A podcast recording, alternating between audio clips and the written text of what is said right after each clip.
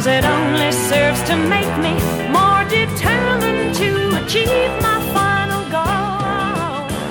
And our humanitarian colleagues uh, tell us they are deeply concerned by the escalation of the conflict in Kachin state in Myanmar. Thousands of civilians have been reportedly displaced by renewed fighting between the Myanmar military and the Kachin Independence Army. while many others are trapped in conflict ကချင်ပြည်နယ်မှာပြိပခတင်းမာမှုတိုးလာတဲ့အတွက်မြန်မာနိုင်ငံရှိကုလသမဂ္ဂလူသားချင်းစာနာမှုယုံကတိတ်ကိုစိုးရိမ်မကင်းဖြစ်လျက်ရှိပါတယ်မြန်မာစစ်တပ်နဲ့ KIA ကချင်လွတ်လပ်ရေးတပ်အကြားတိုက်ခိုက်မှုအသစ်တွေဖြစ်နေတဲ့အတွက်အရသာထောင်နဲ့ချီပြီးအိုးအိမ်ဆွန့်ခွာထွက်ပြေးခဲ့ကြရတယ်လို့အဲ့ဒီပြိပခဖြစ်ပွားရာဒေသတွေမှာပိတ်မိနေတဲ့အရသာတွေလည်းဘေးကင်းရာကိုထွက်ပြေးနိုင်ခြင်းမရှိကြပါဘူးဒါကြောင့်အဲ့ဒီပြိပခဖြစ်ပွားရာဒေသရှိလူတွေရဲ့လုံခြုံရေးဟာ သိပ်ကိုစိုးရိမ်စရာအခြေအနေမှာရှိနေပါတယ်အဲ့ဒါကတော့ကချင်ပြည်နယ်မှာဧပြီလတွင်နမ်တီတနိုင်းနဲ့လိုင်ဇာတို့မှာမြန်မာစစ်တပ်နဲ့ကချင် KIA တပ်ဖွဲ့ကြားတိုက်ပွဲတွေပြင်းထန်ခဲ့တာနဲ့ပတ်သက်လို့စစ်ဘေးရှောင်တွေရဲ့လူသားချင်းစာနာမှုအခြေအနေနဲ့ပတ်သက်လို့လွန်စွာစိုးရိမ်မကင်းဖြစ်တဲ့အကြောင်းကုလသမဂ္ဂအထွေမှုချုပ်အန်တိုနီယိုဂူတရက်ရဲ့ပြောခွင့်ရစတီဖန်ဒူဂျာရစ်ကနယူးယောက်မြို့မှာဗုဒ္ဓဟူးနေ့ကပုံမှန်သတင်းစာရှင်းလင်းပွဲမှာပြောကြားခဲ့တာပါ ဒါကြောင့်အခုနောက်ဆုံးဖြစ်ပွားတဲ့တိုက်ပွဲတွေကြောင့်ကချင်စစ်ဘေးရှောင်တွေရဲ့အခြေအနေကဘယ်လိုရှိပါသလဲမစ္စဘယ်ဖြူကတော့ကချင်ငင်းချမ်းရေးကွန်ရဲ့အပြင်ကချင်အမျိုးသမီးငင်းချမ်းရေးကွန်ရဲ့မှာဥဆောင်နေသူတူဖြစ်ပါတယ်သူကလက်ရှိကချင်ပြည်နယ်ပြည်ပခါမှာစစ်ဘေးရှောင်တွေနဲ့အထူးသဖြင့်အမျိုးသမီးနဲ့ကလေးငယ်တွေအပြင် တက်ကြီးရွယ်အိုတွေအရေးကစိုးရိမ်ရတယ်လို့ပြောပါတယ်ဒီပြီးခဲ့တဲ့ April 17ရက်နေ့ကတည်းကပေါ့နော်စခဲ့တဲ့ပြင်းထန်တဲ့တိုက်ပွဲတွေကြောင့်တနိုင်းမြို့နယ်ကနေဆိုရင်အဲလူဦးရေ2000ကျော်လောက်ပေါ့နော်အဲ့လိုပဲမိုးကောင်းမြို့နယ်နမ်မတီပတ်ဝန်းကျင်ရွာတွေကနေလဲလူဦးရေ1000ကျော်လောက်ကအာဒီတိုက်ပွဲတွေကြောင့်ထွက်ပြေးနေရတယ်အဲ့လိုပဲအဲဒီလိုက်စာမိုက်စာယံကိုလည်းပဲသူတို့လက်နက်ကြီးနဲ့စစ်လေရင်တွေက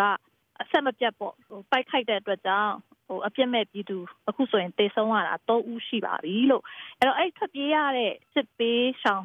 ဒေထဲမှာအဓိကစိုးရင်ရတာကတော့60ရာခိုင်နှုန်းလောက်ကအမျိုးသမီးတွေဖြစ်တယ်။နေ့စိလစိကိုဝင်ဆောင်6ဦးလောက်ပါတယ်။နို့ဆိုကလေးတွေလည်း10ဦးလောက်ရှိတယ်ပေါ့နော်။အဲဒါကကျွန်မဒီတနိုင်းကနေပြေးလာတဲ့သူတွေတွေထဲကပဲပြောတာပါ။အဲ့လိုပဲ 30ရာခိုင်နှုန်းကျော်ကျော်လောက်ကလည်းတက်ကြီးရွယ်အိုအဖိုးကြီးအဖွားကြီးတွေအခုဆိုရင်ဒီအသက်114နှစ်ရှိတဲ့အဖွားအိုကိုကြွာသားတွေကနေပြီးတော့ကြောပိုးပြီးတော့မှထွက်ပြေးတဲ့ပုံတွေကျမတို့အခု social media တွေကနေတစ်ဆင့်လဲတွေ့နေရပါတယ်ပေါ့နော်အဲ့တော့ဒီမှာ April 18ရက်နေ့မှာမှလောလောလတ်လတ်ကလေးမွေးပြီးတော့ April 18ရက်နေ့မှာဒီမွေးကာသာကလေးလေးနဲ့ပိုက်ပွဲဖြစ်လို့ပြေးရတဲ့ မိခင်တယောက်ဆိုရင်တောထဲမှာ3ရက်တောင်အချိန်ကြာတယ်ပေါ့နော်တောထဲမှာပြေးနေရတာသူတို့မှာနောက်ဆုံးဆေးရုံနံပါတ်1ဆေးရုံကိုရောက်လာတဲ့အခါမှာကလေးရလည်းချက်မှာပိုးဝင်ပြီးတော့မှအခုဆိုရင်ဟိုတက်ကင်ထားရတယ်ပေါ့အဲ့လိုပဲအမေကလည်းသွေးတောင်ပြီးတော့အခုဟိုဗာမေးမေးသူမမှတ်မိဘူးမပြောပြနိုင်ဘူးပေါ့လေအဲ့တော့ဒီလိုတိုက်ပွဲတွေဖြစ်တဲ့အခါမှာအဓိကကတော့ဟိုသွေးနုသားနုနဲ့ ကလေးမိဖွားထားတဲ့သူတွေနေစေလာစေကိုဝင်ဆောင်နေတဲ့အမျိုးသမီးတွေအခုတရားအသက်114နှစ်ဘာအိုလိုမျိုးပဲတက်ကြီးရွယ်အိုတွေဟာတောထဲမှာတောင်ထဲမှာဘာမှအကူအညီထောက်ပံ့မရဘဲနဲ့ထွက်ပြေးနေရတာအခုဆိုရင်နှစ်ပတ်လောက်ရှိပြီပေါ့ကချင်ငင်းချမ်းရေးကွန်ရက်မှာဆောင်ရွက်နေသူမေစပယ်ဖြူဟာ2017သမ္မတဟောင်းဦးသိန်းစိန်လက်ထက်လွန်ခဲ့တဲ့ခုနှစ်က KIA ကချင်တပ်နဲ့မြန်မာစစ်တပ်ကြားအပြစ်ရပြက်ပြဲခဲ့ပြီးနောက် တိုက်ပွဲတွေဖြစ်ပွားခဲ့မှုကြောင့်ထွက်ပြေးခဲ့ရတဲ့စစ်ဘေးရှောင်တွေကိုကူညီခဲ့သူလည်းဖြစ်ပါတယ်။သူကတကယ်တော့လိုအပ်ချက်တွေကအခုလောလောလတ်လတ်ပြေးလာတဲ့ဒီနမ်မတီမှာအာလာပြီးခိုးလုံနေတဲ့လူကြီးထောင်ကျော်အတွက်ပဲလိုအပ်ချက်တွေကရှိနေတာမဟုတ်ပါဘူးပေါ့နော်။အရင်သမ္မတဦးသိန်းစိန်လက်ထက်ကလေးက2017ဇွန်ကလေးကစခဲ့တဲ့ဒီကချင်ဒေသနဲ့ရှမ်းမြောက်မှာရှိတဲ့လက်နက်ကိုင်အဖွဲ့တွေနဲ့တိုက်ပွဲတွေကြောင့်ထပ်ပြေးတိမ်းဆောင်နေရတဲ့ စစ်ပြေးဒုက္ခတွေလူဦးရေ3,000ကျော်ဟာအစိုးရစီကနေထိရောက်တဲ့လူသားချင်းစာနာထောက်ထားမှုအကူအညီတွေမရဘဲနဲ့ဟိုဖက်တောက်ချင်းခံရပြီးတော့မှနေနေရတာအခုဆိုရင်9နှစ်တောင်ပြစ်ခံနေလာပါပြီပေါ့အဲ့တော့အဲ့ဒီလူတွေတသိန်းကျော်ရဲ့အခြေခံစားဝတ်နေရေးပြဿနာကိုတောင်မှထိထိရောက်ရောက်မဖြေရှင်းပေးနိုင်သေးခင်မှာအခုနောက်ထပ်ဒုက္ခတွေအစ်စ်တွေ နော်အခုဆိုရင်ဒီတနိုင်းဘက်ကလူကြီး2000ကျော်နံပါတ်1ဘက်မှာလူကြီး1000ကျော်အခုဒီနောက်ထပ်တက်ကအများကြီးပဲလက်နက်တွေရောဟိုစစ်အင်အားတွေရောထပ်ထပ်ပြီးတော့ဟိုပို့နေတယ်ဆိုတာကိုကျမတို့တွေအဲတည်င်းရပါတယ်အဲဒီလမ်းကြောင်းမှာရှိတဲ့ကျမတို့ရဲ့မိတ်ဆွေတွေကလည်းအဲကျမတို့ကိုအမြဲတမ်းပဲလှမ်းလှမ်းပြီးတော့ဟိုတည်င်း ပို့နေပါတယ်ပေါ့နော်ဟိုဒီနေ့ဆိုရင်စစ်ကားဘယ်နှစီးထက်သွားပြီးဟိုအမြောက်ဘလောက်ဘလောက်တောင်မှတည်သွားပြီးဘယ်လေရင်ကွင်းမှာဖြစ်စစ်လေရင်တွေဘယ်နှစီးတောင်ရပ်ထားတယ်အစရှိသဖြင့်ဒါတွေကိုသိမယ်ဆိုရင်အာဒီတိုက်ပွဲတွေကရော့သွားဖို့အတွက်မရှိပါဘူးဒီချက်ဒီချက်ပို့ပို့ပြီးတော့ပြင်းထန်တဲ့တိုက်ပွဲတွေဖြစ်လာနိုင်မဲ့အရေးအယောင်ကိုသာကျမတို့ကမြင်နေရပါတယ်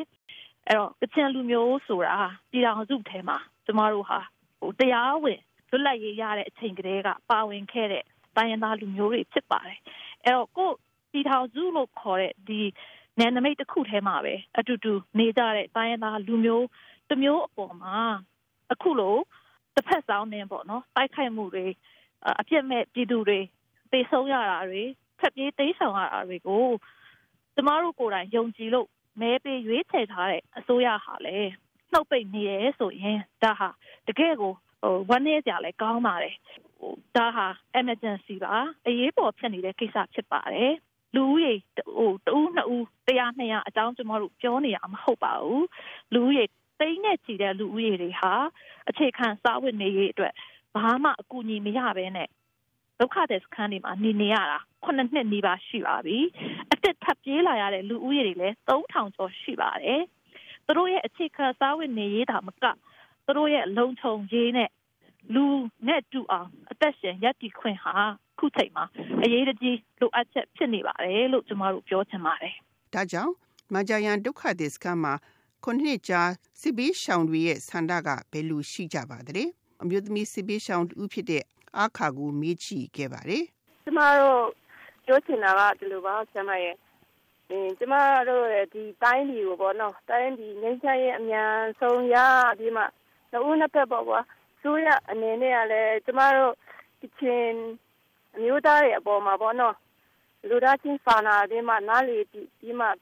တူနဲ့တူအဲ့လိုမျိုးငင်းချရဲ့အမြန်ဆုံးရပြီးမှကျမတို့ပြည်သူလူထုတွေကလည်းကုရက်ကုမြေကိုအမြန်ဆုံးပြန်ပြီးမှလောက်ကင်စားတော့ခွင့်ကိုအမြန်ဆုံးရချင်တယ်ပေါ့ဒီမှာကျမတို့ကမိမိရဲ့ရက်ရွာကိုထားခဲ့ပြီးထက်လာခဲ့တယ်ဆိုရင်အဲအိန္ဒိယနဲ့ဆိုလို့ရှိရင်တော့ကျမတို့ကအိမ်လည်းမရှိတော့ ခြံလင်းနေအလုံးကလည်းတော့အစိုးရတွေကတိတ်သွားတယ်ယူသွားတယ်ဆိုတော့ကျမတို့ကပြန်ပြန်ရမယ်ဆိုလဲပြန်လမ်းမရှိတယ်လို့ကျမတို့ရဲ့စိတ်တွေးခံစားမှုတွေကအဲ့လိုဖြစ်နေတယ်။ဒါကြောင့်မြန်မာနိုင်ငံမှာအခါတို့လူစစ်ပေးဆောင်တွေရဲ့ဆန္ဒဟာဘယ်တော့ပြည့်မှာလဲ။နိုင်ငံကတိုင်းရင်းသားစီးလုံးညီရဲ့ရေးပါမှုကိုမိနေကြပြီလားလို့မေးစရာဖြစ်လာတဲ့အတွက်ကြောင့်အာဇာနည်တွေဖြစ်ကြတဲ့တခင်မြဒီတို့ဥပချိုးဥပဝင်းဥရဇမိုင်းပွန်စောပွားကြီးဆက်ဆန်ထွန်းနဲ့မန်ပတ်ခိုင်တို့နဲ့အတူ မြန်မာလူလိုက်ရေးဖခင်ကြီးဗိုလ်ချုပ်အောင်ဆန်း1940ခုနှစ်ခုဇူလိုင်လ19ရက်နေ့ကလုတ်ကြံမခံရမီရပ်ပိုင်းအလိုဇူလိုင်လ23ရက်နေ့ကပြောကြားခဲ့တဲ့မိကုံးမှာတိုင်းရင်းသားစီလုံးညီညွတ်ရေးဟာရေးကြီးတဲ့အကြောင်းပြောကြားချက်ကိုအမှတ်တရရှိကြစေဖို့ပြန်လည်တင်ပြရင်းဒီသတင်းပါရဲ့မြို့သမီးများကဏ္ဍကိုညီကုန်းချုပ်အပ်ပါတယ်ရှင်။တိုင်းရင်းသားချင်းချင်းညီညွတ်ရေးတိုင်းလူပြည်သားလူထုညီညွတ်ရေးအဲ့ဒီညီညွတ်ရေးနှစ်ခုမရှိသမျှကံလက်ပတ်လို့ ဒီတိုင်းပြည်ဟာလွတ်လပ်ပင်လွတ်လပ်ရတော့လည်းပဲဘယ်ပါတီတက်တက်ဘယ်ဆိုရလို့လို့ဖာတဲ့တိုင်းပြည်ဖြစ်နေပါတော့ကျွန်တော်ပြောချင်အဲဒီတော့ကဒီနှစ်ခုကိုခမည်းတော်ကမပြတ်ပါစီနဲ့ဘသူကဘာလို့လို့မပြတ်ပါစီနဲ့အဲ့ဒါအမတအရေးကြီးပါဟဲ့